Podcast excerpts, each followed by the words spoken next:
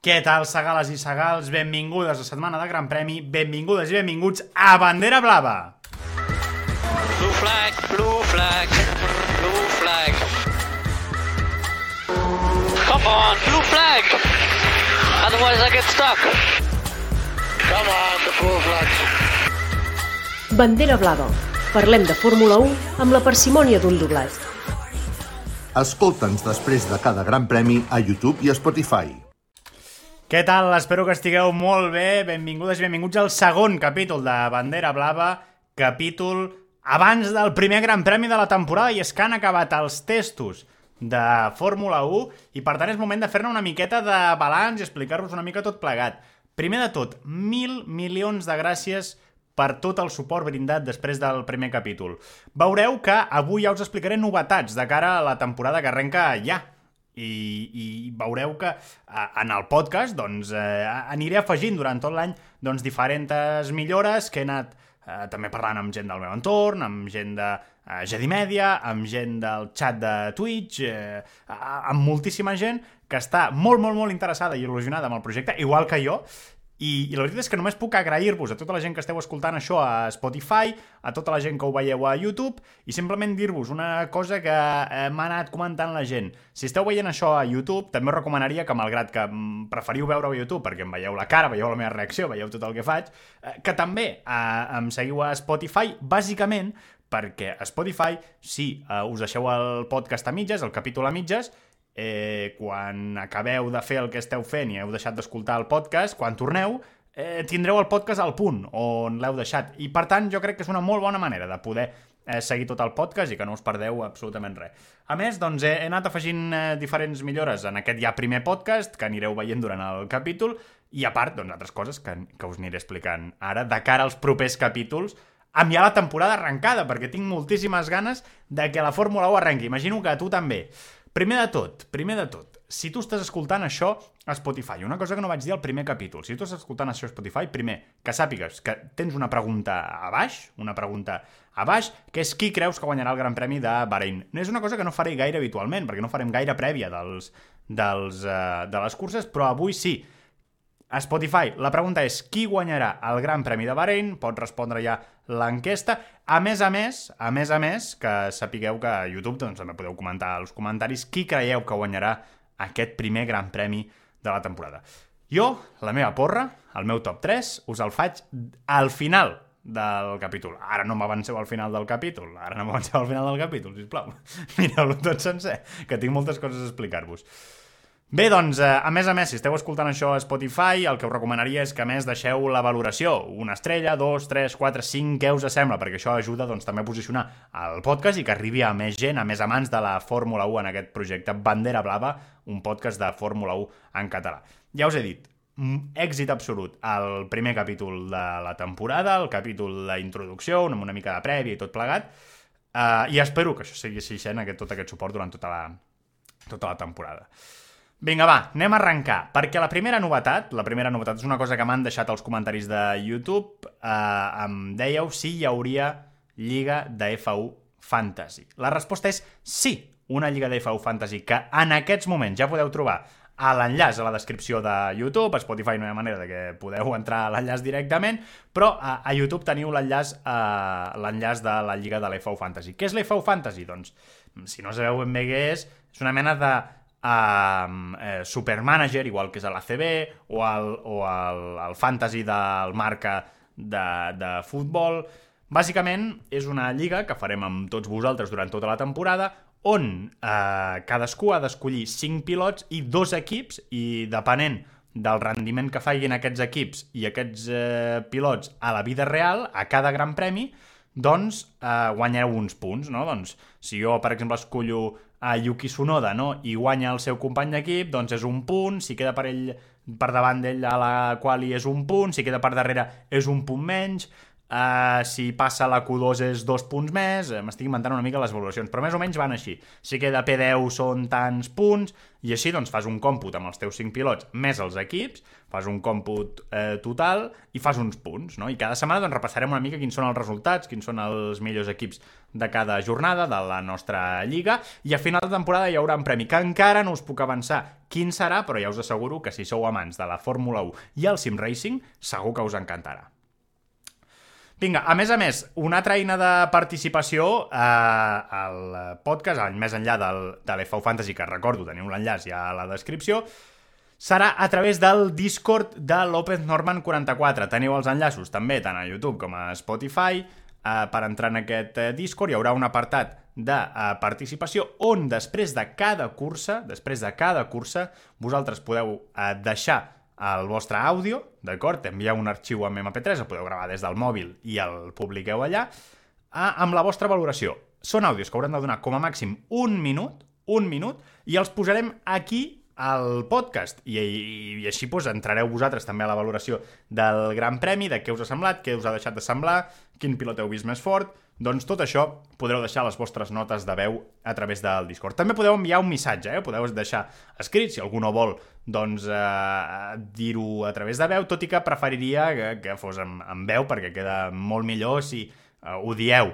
amb eh, valoració doncs, amb, amb àudio, perquè així no només sentiu la meva veu en aquest podcast, sinó que vosaltres també podeu aparèixer-hi amb, aquest, eh, amb, aquests, amb aquests àudios després de cada cursa. Recordeu, al Discord doncs, trobareu un apartat on vosaltres podreu enviar el vostre uh, arxiu. Tot i que si voleu, doncs podeu també deixar un, un missatge escrit, si és que algú no, no vol uh, deixar el seu missatge de veu. Però vaja, molt senzill.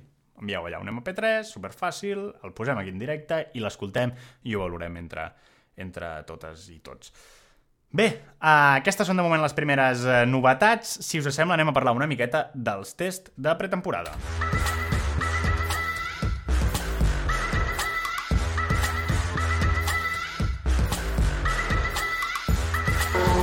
Come on, blue flag!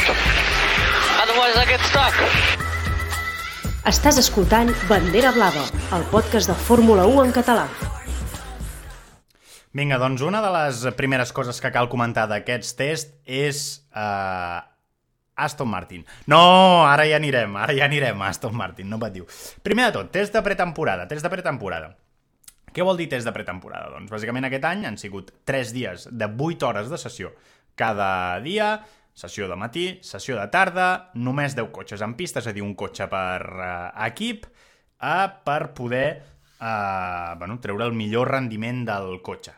S'han disputat aquest any a Bahrein. Això no era habitual, habitualment hi havia moltes més sessions de pretemporada uh, i habitualment es celebraven al circuit de Barcelona-Catalunya. Celebraven a casa nostra, aquest any no ha sigut així, s'ha fet a Bahrein, que és precisament el, el lloc on se celebrarà el primer Gran Premi aquesta aquesta setmana, divendres, dissabte i diumenge, amb la cursa diumenge a les 4 de la tarda, hora, hora catalana.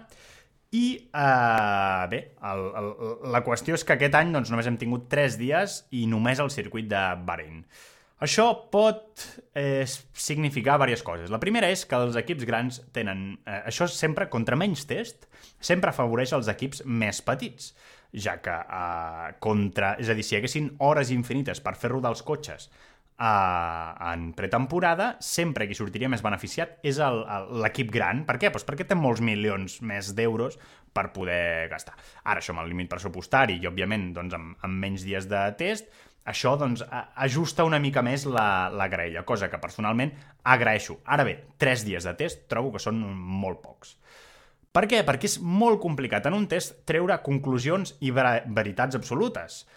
Aquests dies a Twitter hem vist moltíssimes, moltíssimes, moltíssimes eh, missatges eh, eh, i sobretot moltíssima il·lusió per Aston Martin, eh, l'equip de Fernando Alonso i Lance Stroll, doncs que, que, que ha deixat molt bones sensacions. I ara anirem una mica equip per equip. Però primer de tot, deixeu-me fer una mica d'incís en una cosa. I és que amb els tests de pretemporada són per tota la temporada. És a dir, A la Fórmula 1 tenim molts tipus de circuit. Tenim circuits ràpids, tenim circuits lents, eh, circuits amb corba molt lenta, circuit amb corba molt ràpida, circuit amb moltíssima velocitat punta, però amb corba molt lenta, amb revolt molt lent, eh, circuit eh, amb, amb eh, revolts de velocitat mitja... Llavors, als tests de pretemporada has de fer una primera aproximació a totes a tot aquest tipus de gran premis, perquè el setup de cadascun dels eh, circuits el faràs durant la temporada, primer en simulador, i després l'aplicaràs doncs, el divendres d'entrenaments de, eh, lliures. Per això hi ha tres entrenaments lliures eh, cada cap de setmana de, de, de Gran Premi, per acabar de posar el cotxe a punt. Òbviament, tu abans has de tenir una aproximació del setup que t'imagines, la configuració de cotxe que t'imagines per cada Gran Premi. Per què ho dic això? Perquè Bahrein és un circuit que eh, té revolts de tot tipus, ràpids, lents, eh, rectes molt llargues, però no és el circuit més òptim per, eh, per, per dur a terme uns, uns tests. És un molt bon circuit, sens dubte però el circuit de Catalunya era un pèl millor, perquè tot venia més diferenciat per sectors, i ens era nosaltres, com a aficionats, eh, la gent que és eh, de, veritablement bona, periodistes, enginyers, els era molt més fàcil treure eh, eh, veritats o treure eh, aproximacions molt més fidedignes a, a, la, a, la, a la realitat. Gent que no tenim les telemetries al 100% de cada equip, doncs podíem treure una mica més de conclusions. Ara bé, a Bahrein és un pèl més complicat perquè tot ve una mica més eh, barrejadet i, i és una mica més eh, complexa. Per què ho dic això? Perquè és molt probable, és a dir, durant aquests dies he vist moltíssims tuits, fins i tot tuits de periodistes reputats a, a nivell estatal, que porten anys, anys, anys i anys seguint la Fórmula 1, que per determinar com de ràpid és un cotxe, el que han fet és, amb una sola... Eh, eh, dir, mira, la volta de tal pilot ha sigut molt bona i portava, em diuen, més de 60 quilos de benzina, a diferència d'un altre pilot que portava menys quilos de benzina. Amigues i amics, en un test de pretemporada, el menys important de tot el menys important de tot per determinar si un cotxe és ràpid o no és, primer de tot, mirar una sola volta i segon, la benzina, perquè, com us he dit, pot dependre de el tipus de l'aero que portem, el tipus de càrrega aerodinàmica, la configuració, si estem provant una configuració agressiva o, en canvi, conservadora. Això determinarà els nostres estints, determinarà a, a, a tot els temps per volta que estem provant amb aquell pneumàtic i la vo millor volta que haurem fet, perquè igual doncs eh, estàvem provant d'apretar més a les, als revolts ràpids, estàvem provant més la degradació... Eh, segurament això, el dia 3 de test, mmm, diguem, tothom va més a saco, però tot i així no és gens descartable que hi hagi equips que no hagin donat el seu màxim potencial en aquest test, perquè al final estaven provant tota una temporada, no un gran premi, no un sol circuit. Quantes vegades ens ha passat que la temporada passada mateix, no? que diferents equips arribaven a un gran premi i es trobaven que la configuració que havien preparat per aquell gran premi era completament diferent del que tenien eh, planejat.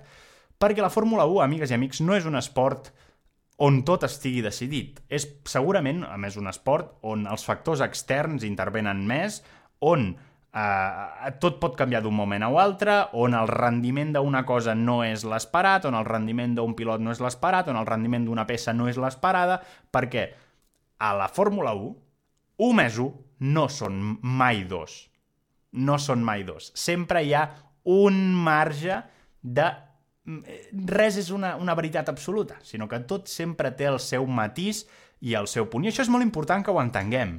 Això és molt important que ho entenguem, perquè ho hem vist infinitat de, de vegades que passen aquestes, aquestes coses. Llavors, jo, eh, tot el que us diré avui són més o menys el que he pogut anar extraient de veus que, que, que, que he estat llegint, d'analítiques que he estat eh, buscant i d'opinions eh, eh, diverses. Però mai serà una veritat absoluta, sinó que serà una mica, sempre tindrà un punt de subjectivitat i un punt d'interpretació perquè, amigues i amics, tinc la sensació que hi ha moltíssims equips que s'estan guardant coses per, aquests, eh, per, per, per aquest inici de temporada. Si us sembla, anem a veure un per un cada equip aquests testos i el, la meva opinió i què han fet. Come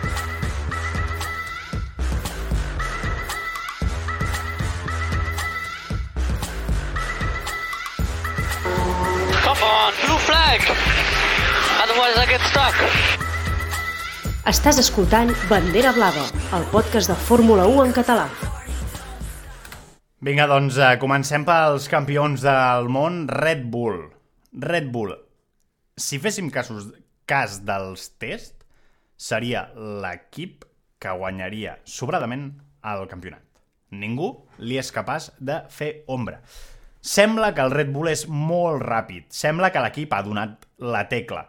Ara bé, ara bé, em nego a creure que la superioritat sigui tan abrumadora com la que hem vist eh, durant aquests eh, testos. Només cal veure doncs, que les configuracions que portaven altres equips no eren eh, potser eh, tan enfocades en aquest eh, propi circuit, sinó pensant en altres eh, circuits.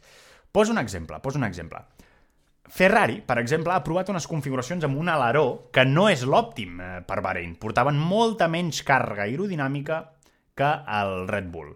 Per què? Perquè probablement estaven buscant veure quin és el rendiment d'aquest motor Ferrari, que ja us avanço ara, que probablement és el millor motor que, que hi ha, eh, o, o, o diguem dels que s'espera més en aquest eh, campionat de 2023 de, de Fórmula 1. El motor Ferrari, la veritat és que fa molt, molt, molt bona pinta.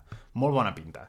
Uh, de fet, l'any passat probablement era el, el, el motor com a tal que funcionava millor i diuen que aquest any doncs, encara té un puntet més de, de velocitat i de fiabilitat. Per tant, mm, ull amb tothom que monta uh, motor Ferrari. Ferrari, uh, Alfa Romeo i, i Haas són els tres equips que tenen a motor Ferrari, i això els hi pot jugar a favor. Bé, el que us deia, eh, Ferrari, per exemple, ha muntat doncs, un aleró a, a, un aleró de darrere amb molta menys càrrega aerodinàmica, cosa que ha fet que el seu pas per curva sigui bastant pitjor, però en canvi en velocitat punta doncs, han anat eh, molt millor. Per què? Perquè probablement no estaven buscant aquí fer el millor registre i sortint totes les portades dels, dels tests. Aquí el que importa és eh, aconseguir una bona posada a punt del, del cotxe de cara a tota la temporada, no només el Gran Premi de Bahrein que tenim aquest cap de setmana. Per tant, l'aleró que veurem al Ferrari muntat al proper Gran Premi no serà el, el, el que portaven aquest cap de setmana, sinó que serà un aleró doncs, una, mica, una mica més de càrrega aerodinàmica per fer front doncs, a, a, al Gran Premi de, de Bahrein. I això ho han fet expressament, no, no, no és una badada. Bueno, possiblement el primer dia van provar, aviam això, què tal va, què no sé què, però saben perfectament que aquest no és... Uh, o sigui, la seva volta més ràpida durant aquests testos ha sigut, ha sigut amb un aleró que no és un aleró de darrere, que no és òptim per, per, per aquest circuit. I això és bàsicament per això, per això serveixen els testos, per no veure qui és el més ràpid a Bahrein, sinó veure eh, si allò que havien fet amb una simulació eh, es pot aplicar doncs, en un circuit i de, per posar el cotxe a punt per tota la temporada. Per tant, el Red Bull és el més dominador i tot i que eh, altres cotxes doncs, encara estan eh, per, per, per, per acabar de veure quin és el seu potencial, sembla que serà l'equip a batre. I, I negar això seria un negar una, una evidència? No ho sé, la Fórmula 1 ja us he dit, no tot, no tot és eh, veritats impapinables, és que igual ens plantem a Bahrein i el cotxe més ràpid és el Mercedes, o és l'Aston Martin, o és l'Aston Martin, que ara hi anirem. Però tot apunta, tot apunta a que Red Bull és una vegada més el cotxe a batre. Us diré una cosa, l'any passat, l'any passat, el cotxe el Red Bull semblava el més ràpid a principi de temporada. I no va ser així. Les, la primera meitat de temporada probablement el millor cotxe era el Ferrari. Probablement. Però eh, després, doncs, la fiabilitat, per exemple, pecava bastant i quan no era la fiabilitat era l'equip. I, per tant, no sempre tenir el cotxe més ràpid és, és, eh, implica doncs, eh, eh, bueno, guanyar el campionat o fins i tot guanyar, guanyar totes les curses que voldries. El Ferrari l'any passat doncs, era el cotxe més ràpid a una volta, però després en cursa la degradació era criminal. Red Bull, per tant, dominador d'aquests tests i se'ls espera a dalt de tot, com ve sent eh, bastant habitual. Si us sembla, passem a Ferrari. Ferrari eh, té, eh, com us he comentat, eh, han fet, doncs, eh, han provat molt l'aleró de darrere eh, amb poca càrrega, han, eh, per tant no portaven la configuració òptima o no han estat diguem, testejant tant no, el cotxe en el circuit de Bahrein, sinó que han estat provant una mica més eh, tot plegat. Ara bé, el motor Ferrari fa molt bona pinta. Fa molt bona pinta, fa tota la pinta del món de que serà el motor més ràpid, més ràpid en, en, eh, en cursa. bueno, o, o a, a la Fórmula 1, en el, en el Mundial. Ara bé, jo una cosa que em preocupa és la fiabilitat, és a dir, veurem si aquests, aquesta potència extra que han aconseguit aquest estiu, que sembla que han desbloquejat una part de motor, o això s'explica, um, veurem doncs, si això uh, afecta la fiabilitat o, o no, perquè al final la fiabilitat és clau a la, a la Fórmula 1, vull dir, poc importa eh, guanyar, què, 5 km per hora en, en rectes i després a la meitat de Gran Premis acabes patant motor o en, un, o en una quarta part acabes patant motor. Per tant, això serà molt important. Una altra cosa que no em sorprèn, però que sí que hem pogut veure, és que el Ferrari seguirà tenint problemes de desgast, de desgast de pneumàtics. És un cotxe que, diguem, acusa molt el, els pneumàtics i això haurem de veure doncs, com ho soluciona l'equip de Maranello, que recordem que més ha, ha canviat a, el seu eh, cap d'equip, eh, Binotto ja no hi és, i també haurem de veure si l'equip doncs, durant la temporada doncs, respon a nivell de mecànics i a nivell d'estratègies. Però vaja, aquí estem parlant del cotxe i, i jo crec que Ferrari té molt més rendiment a mostrar del que ha mostrat aquests, aquests tests i, i, i crec que estarà molt més a prop de Red Bull del que, del que sembla. Anem a passar a Mercedes. Mercedes jo crec que va de tapat. Ja us ho dic així d'entrada, Mercedes a mi em fa tota la pinta del món, de que va de tapat, de que uh, estan dient, bueno, uh, tenim a, a a Russell dient que, bueno, que el cotxe no val tot bé, no sé què... A mi em fa, a mi em fa que van de tapats. Em, em fa que van de tapats. Cada any diuen el mateix. Cada any es treuen pilotes fora, diuen que els altres són millors, que ells, uf, que patiran i no sé què, i només un any era veritat, i va ser l'any passat. La resta d'anys, sempre Mercedes ha sigut el cotxe dominador. Sempre. Sempre menys l'any passat, que sí que van tenir problemes eh, importants. Aquest any no em fa la pinta que tinguin els problemes de l'any passat per un motiu. I és que també, igual que Ferrari, Mercedes ha estat provant eh, aquests testos, la seva millor volta, és amb un aleró de darrere molt més carregat del que toca. És a dir, no han estat fent les voltes amb la configuració òptima pel circuit de Bahrein. I això és molt senzill de veure i d'analitzar, és a dir, només amb això ja pots veure doncs, que estan provant altres coses. No estan provant el mateix que Red Bull, no estaven provant si el cotxe era ràpid a Bahrein, estaven provant mm, configuracions de cara doncs, a altres circuits, a altres gran premis, a altres degradacions, a altres condicions... Al final, eh, tots aquests testos s'han celebrat al circuit de Bahrein amb unes condicions molt similars als, als tres dies, que per res tindran a veure el que ens trobarem a Imola a l'abril, que igual plou o les temperatures són de 10 graus, eh, i no és el mateix que ens trobarem al juny a Catalunya amb una degradació absoluta, i no és el mateix que ens trobarem a Canadà al juliol, que igual ens trobem doncs, molta pluja, o a Spa, eh, amb pluges torrencials, o... és a dir, al final has de, has de preparar el cotxe per a les 23 curses que queden. Per tant, Mercedes jo no m'enfio ni un pèl, jo crec que van de tapats, no em crec que siguin el quart equip com ells diuen i que Aston Martin els hi passi per davant, així d'entrada no me'ls acabo de creure. Igual, igual tenen tota la raó del món, però així d'entrada no me'ls acabo de creure pel tipus de configuració que han estat provant o, o el que m'ha semblat a mi que estaven provant durant aquests, eh, no, que, que, aquests dies. El cotxe no és tan dolent com l'any passat, sens dubte, us recordo que l'any passat doncs, van començar molt malament, no fa cap pinta que aquest any sigui, sigui així, i en tot cas doncs, han estat provant eh, diferents eh, coses i que poden ser bastant interessants de cara a la, la temporada. Ferrari i Mercedes milloraran a Bahrein. El Ferrari i Mercedes que hem vist als testos no seran els mateixos que hem vist a, a, o sigui, el, el, perdó, el Ferrari i Mercedes que hem vist als testos no serà el mateix que veurem aquest cap de setmana a Bahrein, ja us ho dic ara. Molt probablement estiguin molt més a prop de Red Bull del que eh, pugui semblar així d'entrada. Jo crec que eh, serà així, que estaran molt més a prop, i tant de bo no m'equivoqui, perquè vull, un, vull unes curses molt, molt, molt apretades per la part de dalt. Vinga, va, deixem-me parlar d'Alpine. Uh, Alpine són l'únic equip que no ha millorat la seva volta 2022 i deixeu-me dir que o van de tapats o fiasco absolut de uh, Alpine. És a dir, no han mostrat gens les seves cartes, fa pinta que s'han equivocat varis dies de setup, varis dies s'han equivocat de setup, però uh, no em puc imaginar que l'equip estigui... És l'únic equip que no ha millorat volta respecte al 2022, eh? L'únic. Han pitjorat volta. No m'ho acabo de creure, no m'ho vull creure, però eh, també et diré que, que no té gaire sentit que amaguin aquestes coses. És a dir, si tothom està millorant un segon, dos segons, eh, mig segon, no és normal que ells empitjorin eh, 0.8, però vaja, també, igual, estan provant altres, altres coses. La veritat és que eh, em, em fan patir una mica, em fa, és un equip que em fa patir una mica, no crec que estiguin amagant gaires coses, i, i jo crec que pot, pot ser una passa enrere. Més que res, no ells una passa enrere, sinó és que la resta tothom està millorant. Tothom, hem vist uns cotxes que semblen bastant eh, més treballats que l'Alpine. Veurem, eh, igual no, igual l'Alpine ens sorprèn a la cursa de Bahrein, tot i així, no sóc gaire optimista en aquestes primeres curses, pel que fa al que hem vist a, a, a, a Alpine. Han mantingut un eh, perfil superbaix, de tensió, i, i, i la veritat és que no sé gaire què esperar. El cap em diu que no pot ser, però alhora allà estan aquests testos. Són l'únic equip que no ha millorat i veurem doncs, si això és perquè estaven provant coses completament diferents a la resta d'equip d'equips i igual ens sorprenen a la qualificació de, de Bahrein, no sé. Si us sembla, parlo de McLaren.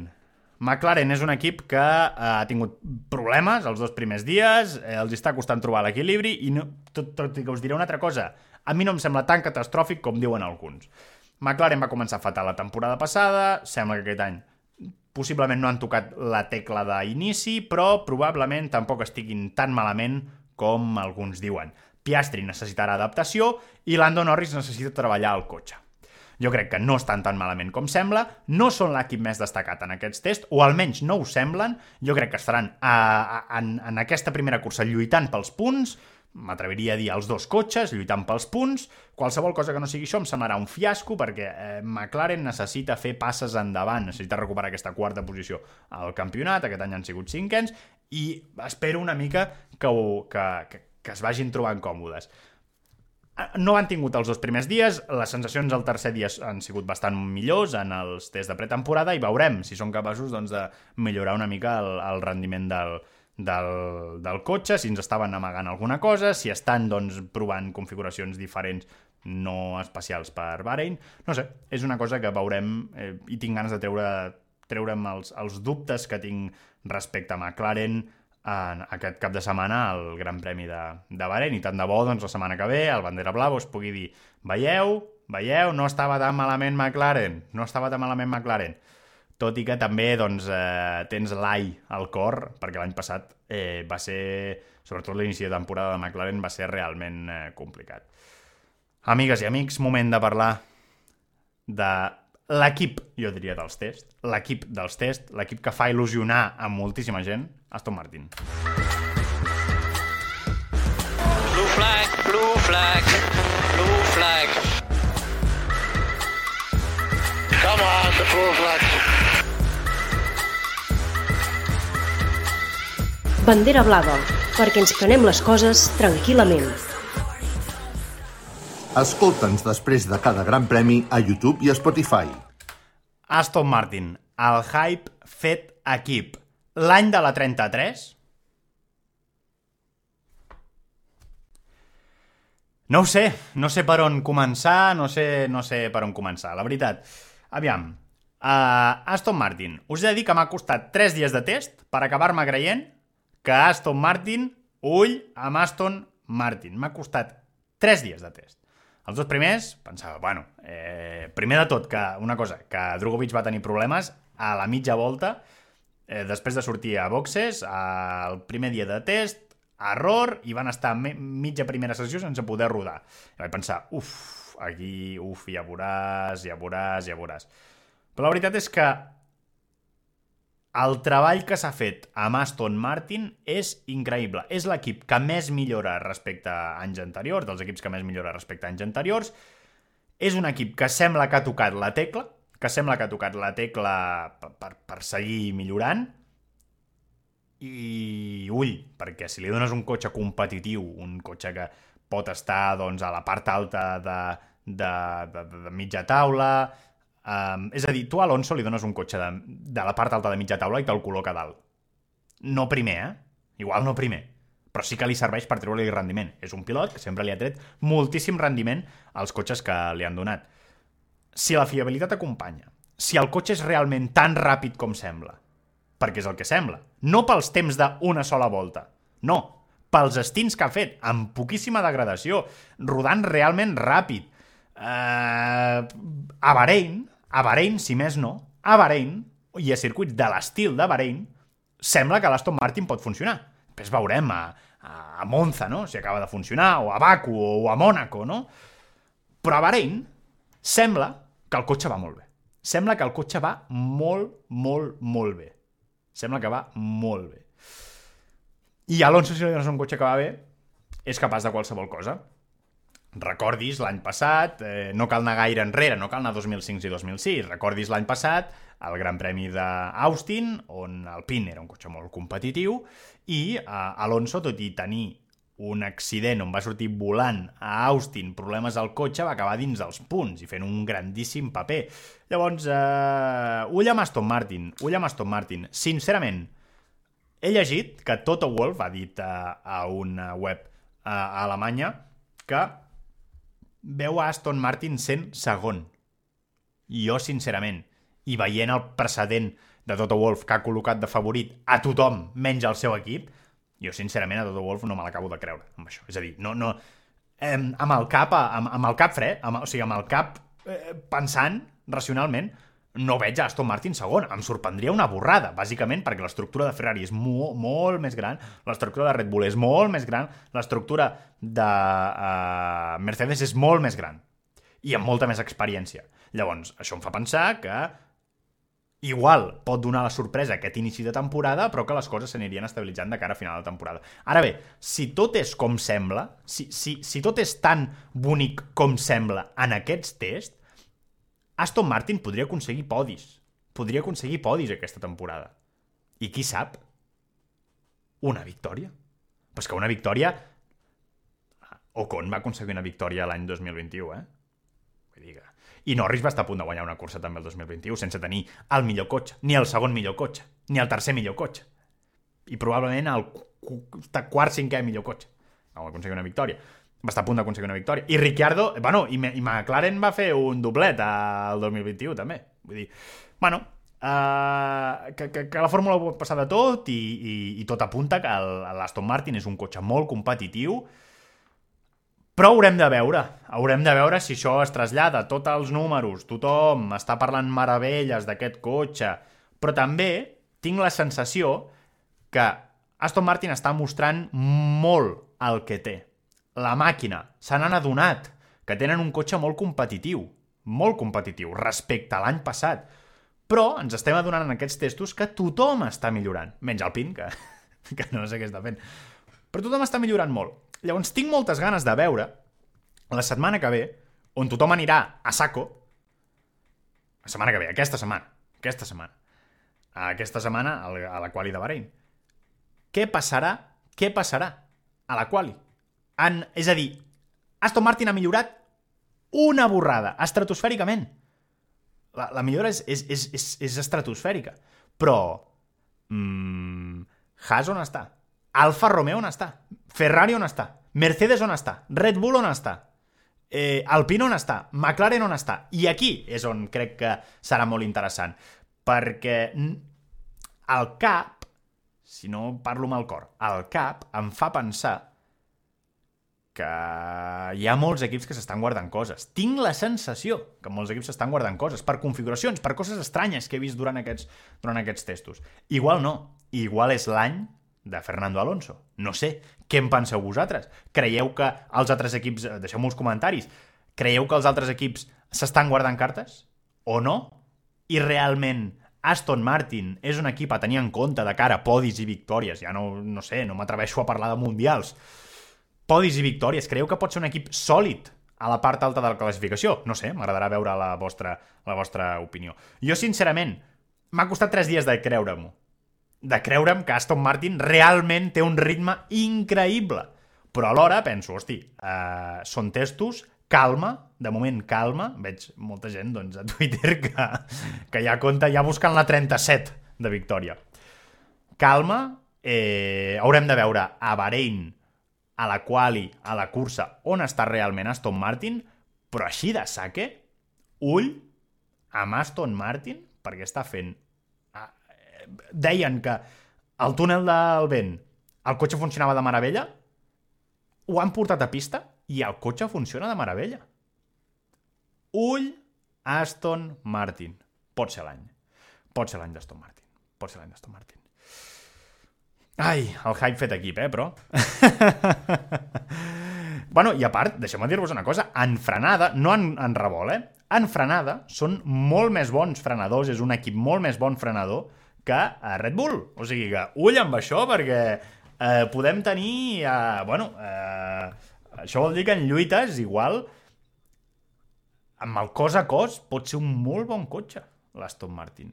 De fet, tinc aquí una dada, Aston Martin és més ràpid que el Red Bull en un 36% de la volta a Bahrein.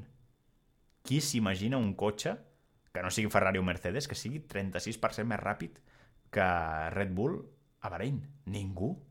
Ningú s'ho esperava. Moltes ganes de veure realment on està el rendiment d'aquest Aston Martin, no pel que hem vist fins ara, sinó els, els equips seran cap... O sigui, algú ens ha estat amagant alguna cosa? No sé. Igual sí, igual no igual és l'any d'Aston Martin. Jo crec que podria ser la sorpresa, la sorpresa del, de l'any. Passo a un altre equip. Haas. Haas, el, el, el, el paper de, de Haas jo crec que ha sigut molt, més, molt bo. Crec que estan en un punt molt interessant. Estan a mitja taula. Jo crec que es poden consolidar com a equip de mitja taula, si més no és el que hem vist en aquests, en aquests testos. Uh, Tenen molt bon, uh, molt bon grip en revolt, molt bona velocitat punta, tot i que no l'han exprimit al màxim en la seva millor volta, per tant, no us mireu aquestes classificacions que corren per internet, de millors temps, de pitjors temps... En la seva millor volta no han exprimit al màxim el motor Ferrari. Això ho veiem doncs, amb les comparatives de, de velocitat eh, punta, on estan a uns 15 km per hora per sota del eh, Ferrari, del Ferrari oficial.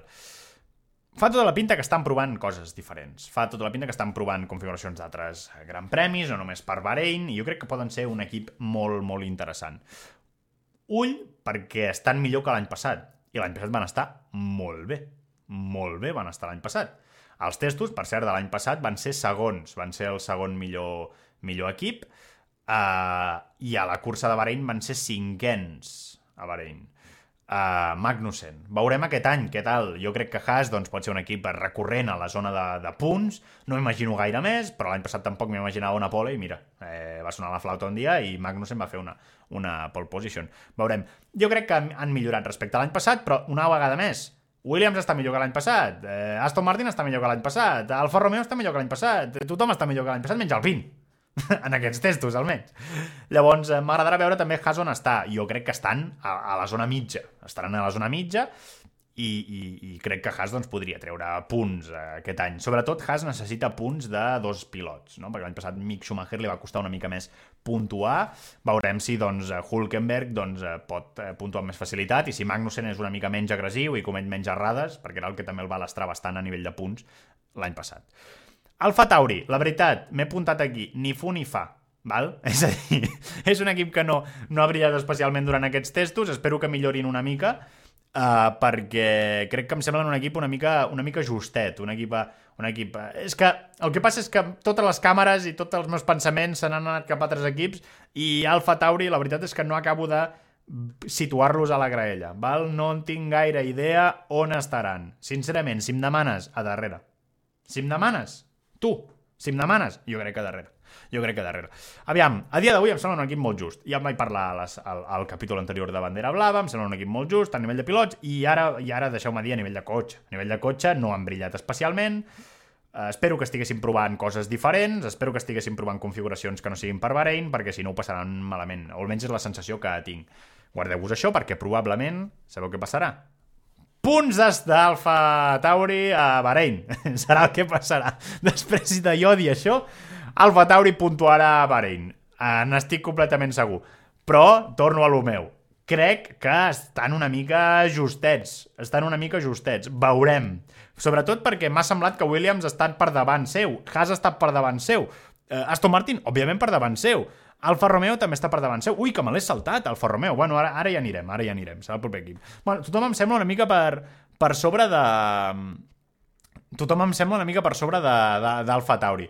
I els pilots, ja us dic, eh, Nick De Vries, mm, una mica esperant, aviam què, què, què pot treure d'aquest rendiment, i Yuki Tsunoda, que la veritat Uh, no, no, no, espero massa d'ell aquesta, aquesta temporada, va ser una temporada per reivindicar-se, perquè és la seva tercera, ja a la Fórmula 1, però, però, però, però, però una mica els últims resultats no em fan pensar que, que bueno, igual ara tant de bo s'ha- s'hagi fotut les piles aquest, aquest hivern, no? Però, però veurem una mica quin és el rendiment del Fatauri a dia d'avui em semblen un equip que, que, que, que, que, que em semblen una passa per darrere. Ja us dic que després de jo dir això, el Fatauri puntuarà a, a Bahrein. Bueno, m'he deixat Alfa Romeo, el tenia aquí anotat i me l'he oblidat. Alfa Romeo, per mi, és l'equip que més tapat va. Ja us ho dic ara. Crec que poden ser una sorpresa. Crec que poden ser una sorpresa. Per què? Perquè a nivell de temps i tot plegat, bueno, Guanyo Zou va ser el més ràpid del, de, del segon dia uh, dels, dels test. Sembla que ningú li va fer massa cas. Sembla que ningú va dir, va, no, bueno, allà, sí, bueno, estan allà, però test, eh, estem a test, no, no, no, no passa res. Doncs pues que sapigueu que Alfa Romeo ha sigut l'equip més ràpid en molts moments del test i a part ha sigut el més ràpid amb el pneumàtic C3. Perdó, amb el pneumàtic Tou, el pneumàtic C5 han sigut el més, el més ràpid. Per tant, ull, ull amb Alfa Romeo... Qui sap, igual és l'any de Valtteri Bottas. Igual és l'any de Valtteri Bottas. I us diré una altra cosa. A les seves voltes ràpides no han utilitzat el tot el potencial que ofereix el motor Ferrari. Un equip que gestiona bé el pneumàtic tou, més un equip que és capaç de treure el rendiment d'aquest motor Ferrari, pot donar molts mal de caps a la resta de- d'equips. Us recordo que la temporada d'Alfa Romeo l'any passat és excelsa, és boníssima, acaben sisens, eh, la temporada. Acaben sisens la temporada. Van arrencar d'una forma espectacular. Valtteri Bottas colant-se a Q3 constantment amb l'Alfa Romeo. Jo crec, sincerament, que estaran més o menys on l'any passat. Més o menys on l'any passat. Podria ser que fossin un dels equips eh, que, que, que alguna tarda, algun migdia d'aquests bojos, eh, donen una sorpresa a, la, a les curses. No sé, la veritat és que m'han sorprès molt els Alfa Romeo, esperava que farien una passa enrere, i la veritat és que fan molt bona pinta. Fan molt bona pinta, fan molt bona pinta. M'atreviria a dir, ara mateix els veig per davant de McLaren. Els veig per davant, malgrat em dolgui l'ànima, perquè, bueno, mi és un equip històric que m'agrada molt, no, McLaren? Tot i que em miro la Fórmula 1 amb moltes crispetes, eh? Vull dir que tampoc és que jo tingui aquí un clar favorit uh, on sóc uh, hooligan, sinó que m'agrada molt la Fórmula 1, mirar-me-la una mica des de, des de la perspectiva, i m'encanta veure-ho així, m'encanta veure-ho així. Bueno, la qüestió, però McLaren li tinc molta estima, li tinc molta estima. I, i ara mateix Alfa Romeo el veig una mica per davant. Però bueno, veurem una mica què, què tal està tot. I per acabar, Williams. Williams, eh, bona millora de Williams. Eh, veurem on estan, eh, però han millorat una borrada. Semblen que no són l'equip de l'any passat. Sembla que han, que han millorat eh, bastant, tot i que, deixeu-me dir, tenen Alex Albon i eh, Logan Sargent, cosa que això els hi pot costar una miqueta punts. Albon té molta experiència, però en canvi Sargent és la seva primera temporada a la, a la Fórmula 1, l'americà, i crec que, que, que, que això serà, diguem, això pot costar punts, no? És a dir, que pots tenir un cotxe que ha millorat, però eh, que, que, que a nivell de ritme, a nivell de sensacions, a nivell de cagades, d'errades, doncs eh, tenir un pilot inexpert doncs et pot costar punts i, i posicions. No se'ls veu malament. El cotxe no és tan dolent com temporades passades, però tampoc em sembla que estiguin per lluitar gaire amunt. És a dir, no em semblen tampoc un equip eh, fixe a la, a la a mitja taula, tot i que em sembla, a dia d'avui, després de veure els tests, un equip millor que els, que els Alfa Tauri. Veurem, però, eh, on els posem eh, després de la qualificació de, de Bahrein. Tot i que Williams m'agradaria, no? És un equip històric, m'agradaria que sortissin una mica d'aquest pou que porten anys doncs, aquí, aquí sota i que entressin doncs, a la lluita amb els, amb els Haas, igual doncs, amb l'Alfa Romeo, amb algun dels de dalt que va cap avall, no sé, m'agradaria bastant eh, que, que tornessin a entrar una mica de forma més regular als, als, als punts. Però vaja, això ja són eh, coses que, que són, eh, bueno, de, demandes que, que faig. Flag, blue flag. Come on, the blue flag. Bandera blava, perquè ens prenem les coses tranquil·lament. Escolta'ns després de cada gran premi a YouTube i a Spotify. Doncs amigues i amics, eh, aquest és una mica el meu repàs dels tests de pretemporada on veig eh, cada equip. Us he dit, us he promès que us diria quin és el que jo crec, el pilot que crec que guanyarà o el podi que crec que hi haurà a, a Bahrein a, en aquest cap de setmana. Vinga, us diré que el tercer classificat crec que serà Hamilton, el segon classificat crec que serà Carlos Sainz i el primer classificat Max Verstappen. Vinga, he repartit una mica pels, pels tres equips. On estarà? I m'estareu demanant, on és Fernando Alonso? M'atreveixo a, a dir que estarà allà i estarà lluitant fins i tot pel podi, però crec que finalment serà una P4. Crec que finalment serà una P4 per Fernando Alonso. Val? Per tant, aquesta és la meva porra. Deixa'm tu, qui creus que serà el guanyador, segon, tercer i fins i tot on acabarà a l'Aston Martin, perquè tothom està parlant del, de l'Aston Martin, i, i en parlem la setmana vinent aquí al Bandera Blava. Espero que us hagi agradat molt el capítol. Recordeu, si us ha agradat, deixa un fort like, comenta, eh, deixa la teva valoració a Spotify, segueix-me a tot arreu i ens veiem el proper, eh, la propera setmana amb el post del Gran Premi de Bahrein. Quines ganes la propera vegada que ens veiem aquí a, al podcast. Ja sabrem una mica on està tothom. La veritat és que estic molt emocionat. Sagales, Sagals, ens veiem llavors. Espero que hagueu gaudit d'aquest capítol. Que passeu una boníssima setmana, que aquesta setmana ja hi ha Fórmula 1. Salut! Blue flag, blue flag, blue flag. Come on, the blue flag.